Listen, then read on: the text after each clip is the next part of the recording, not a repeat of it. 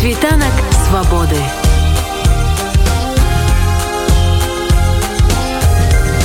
Світ вольнасці. 14 снежня палітвязням па так званай справе ціхановскага далі ад 14 до 18 гадоў тарымных тэрмінаў пяцёрым узмоцненага рэжыму а мікалаю статкевічу асабістага. Я паразмаўляла з былым асуджаным які адбыў вялікі тэрмін у беларускай калоніі узмоцненага рэжыму каб высветліць чым рэжымы адрозніваюцца па якіх правілах жывуць арыштанты якое асабістае стаўленне ў адміністрацыі да палітвязняў і як на іх ціснуць праз так званых казах glow. Усиленный режим – это режим, который предназначен для тех, кто, ну, в принципе, по первому разу, первоходы, так называемые, то есть люди, которые первый раз столкнулись с законом, либо же у них были давно покашенные судимость. Это стандартный режим при наличии того, что это тяжелые статьи. У них всех тяжелые статьи, поэтому они им дали усиленный режим. Хотя при, ну, скажем, если была особая жестокость, еще что им могли дать строгий там или еще какой-то режим. Особый режим, который дали Статкевичу, это, естественно, он ранее судим Димык уже, по-моему, дважды или трижды сидел, поэтому как бы есть такое понимание, как 24 э, статья раньше было. Это особо опасный социальный ну, тип людей, то есть он представляет социальную опасность особую. Не знаю, там она сейчас осталась, нет, но это особо опасный как бы рецидивист. Вот его сделали особо опасным рецидивистом и отправили туда, потому что там первое полгода ты сидишь, там меньше передач, меньше всего, то есть там есть закрытый, открытый режим. Ты сидишь как бы в зоне, но как в камере. Потом тебе разрешают там ходить на работу. Они живут и ночуют в камере. Примерно такой вот особый режим. То есть для тех, кто работает. Но если он не будет работать или еще что, он будет сидеть камерного типа. То есть такая история.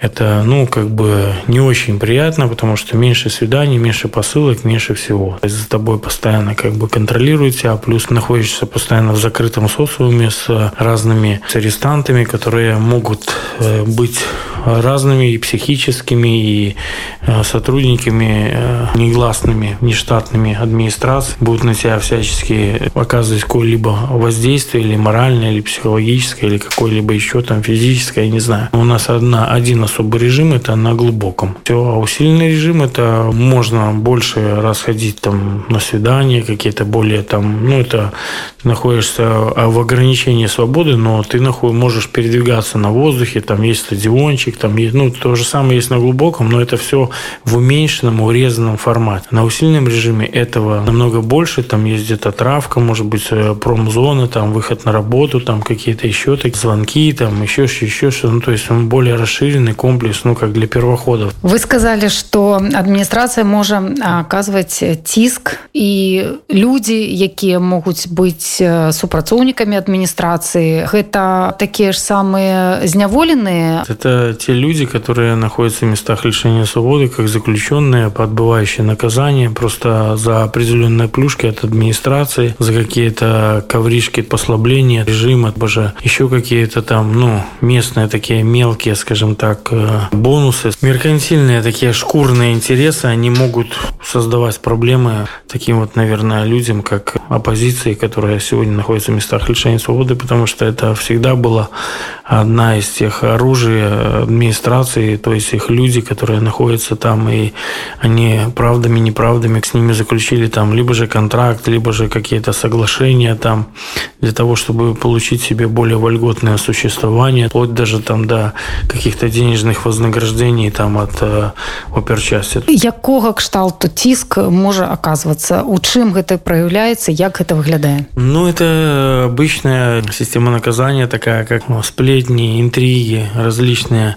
которые будут рассказывать за твоей спиной, что кто-то где-то что-то сказал, там какие-то со свободы могут быть вещи придуманные, что там человек проиграл, там, ну, это может быть и карты, заманивание в игру, то есть, ну, чтобы человека как-то там потом посадить на долг, там еще что-то, либо же это может быть и физическое воздействие, там, что он что-то не так сказал, потому что в тюрьме, как, ну, в любой э, системе тюремной Беларуси, России, неважно, постсоветского пространства, есть определенные вещи, которые можно говорить, которые нельзя говорить, которые нужно говорить, которые не нужно говорить. Люди, которые попадают в места лишения свободы, они, бывают, не совсем понимают арестантский уклад, который там существует, и все зэковские понятия, все, что придумали зэки сами для себя, как ну, регулировать свои взаимоотношения. Поэтому они могут манипулировать с различными вещами, словами, для того, чтобы как-то унизить или создать проблемы человеку, что если это люди администрации, конечно же, то, конечно, они будут создавать проблемы как морального, психического, психологического, физического, любого воздействия на,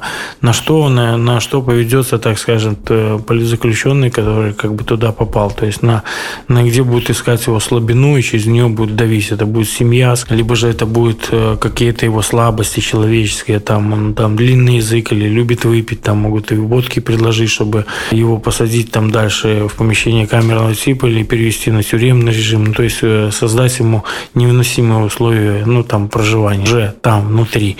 Потому что там тоже есть еще в самой тюрьме есть тюрьма, то есть из особого режима можно уйти на крытый режим, на гродно, на более суровые условия содержания. Точно так же, как и с усиленного режима можно человеку, применив статью за нарушение различного режима содержания, то есть, по-моему, это 411 человек может уйти на строгий режим или на тюремный режим, как бы постепенно, но при этом его будут садить в изоляторы, буры, ПКТ, помещение камерного типа. Дальше его могут раскрутить на, стройный, на строгий режим, плюс э, еще доболтав ему там год, два, три, там, ну как, как у них там получится, то есть судом. Тем более судят их закрытыми судами, поэтому там никто ничего, никакой там не адвокат, никто ничего не добьется толку, чтобы как-то им там меньше дали там, или их там не прессовали. Их будет по-любому прессовать. Такова система построена сегодня в Беларуси, чтобы человек, если за свои политические взгляды попадает в места лишения свободы, у него начинается проблемы постоянные. Их создает администрация якобы от зэков, что он неуживчив там и так далее и тому подобное. Это будет постоянно, потому что такова суть системы всей белорусской системы наказания. То есть она не для того, чтобы человека как-то образумить, помочь ему как бы восстановиться, для того, чтобы человека унизить, убить, на него надавить так, чтобы человек превратился в овощ. А ці адчуваюцца асаблівыя адносіны менавіта для тых, кто адбывае э, пакаранне по палітычных артыкулах? Оно всегда так было в Беларуси. Человек, если приходит политически каким-то вопросом, то есть это, у него есть свои какие-то политические амбиции, то есть есть свое мнение, он, соответственно, он выделяется во всей толпе, Москве. Его всегда, я уверен, оперативники ставят пометку на деле ему, и за ним всегда особый контроль. Ну, сегодня э, об этом известно по всей Беларуси, что их отдельно как бы и полосы им вешают, и часто их проверяют ночью, днем там и заставляет э, всякие там говорить, что я там за то-то, за то-то осужден, что склонен к тому, к экстремизму, всякой чушь этого, что придумали. То есть это для того, чтобы унизить человеческое достоинство и чтобы человек даже психологически говорил, что я экстремист, и чтобы он даже чуть ли не сам в это поверил. То есть они хотят и так даже воздействовать на людей это, я считаю, что это психи- психологические пытки, то есть на человека манипуляция сознанием. Поэтому, конечно, политические были всегда неугодные администрации, всегда администрация, будь то анархисты какие-то там или еще кто-то, какие-то люди, выбивающиеся из общей, скажем так, социальной, то есть не уголовные, скажем, у них были статьи, то есть, соответственно, администрация к ним максимально предвзято относилась по всем вопросам. Это во всех колониях было так всегда в Беларуси. И, ну, если, конечно же, они не шли на сотрудничество, если они не шли на какие-то там, ну, им надо было свои убеждениями там поступиться, то есть то вполне возможно, тогда у них были послабления. Но так, если человек э, стоял на своем и был против какой-то политический момент, там присутствовал, его всегда старались ему создать такие условия, чтобы они были невыносимые, относительно даже других осужденных. То есть других осужденных так не трогали, как ни насильников, ни маньяков там каких-то там. То есть, а вот именно этих людей всегда прессовали. Існуюць градацыі па ўзросце і існуюць такія сацыяльныя градацыі. Ёсць асабістая група людзей з такім ужо паніжаным сацыяльным статусам. Вось распавядзіце, калі ласка пра гэта як гэтыя градацыі там адбываюцца, калі вось чалавек упершыню патрапляе, як можа так стацца што ён можа патрапіць і ў гэтую такую касту недокранальных? Есть, не, это можно даже не сказать, что это касты, скажем так. Есть определенный арестантский, скажем так, такой уклад. Как бы есть арестанты для себя, есть какая-то иерархия людей, которые там работают, которые не работают, но жестко отказываются от работы, потому что считают, что зарплата там маленькая, и они не будут никогда работать на те деньги, которые предлагает администрация. И есть люди, которые там, ну, скажем, пониженный социальный статус. Это те люди, которые определены в касту э, отверженных. В зоне их называют опущенными. Это низший статус, скажем так. И с этого статуса уже назад нет возможности, то есть выйти там или еще что-то. Это есть, так скажем, старшие братья для всех арестантов это воры в законе. Есть негласный, неписанный кодекс, который как бы создали люди, который передается из уста в уста, какой-то уклад арестантской жизни. То есть, ну, какие-то определенные правила, какие-то определенные традиции, то есть, которые сложились уже веками пенитенциарной системы России, Беларуси, Украины. То есть, ну, это как бы все одно и то же. Это до сих пор нет разделения, у зэков нет разделения по особо там по областям, как говорят, по мастям есть, по областям нет. Кто какой масти, то есть, ну, там, воровской, мужицкой, там, либо же это а, обиженные там и, или козлы. Те люди, которые работают открыто на администрацию, они считаются красными, то есть которые подписали бумаги там или сотрудничают в открытую с администрацией, ну то есть они их там называют козлами, к ним соответственные отношения. Ну, даже если они вроде бы как зла не делают, то ну все равно они как бы по масти козлы.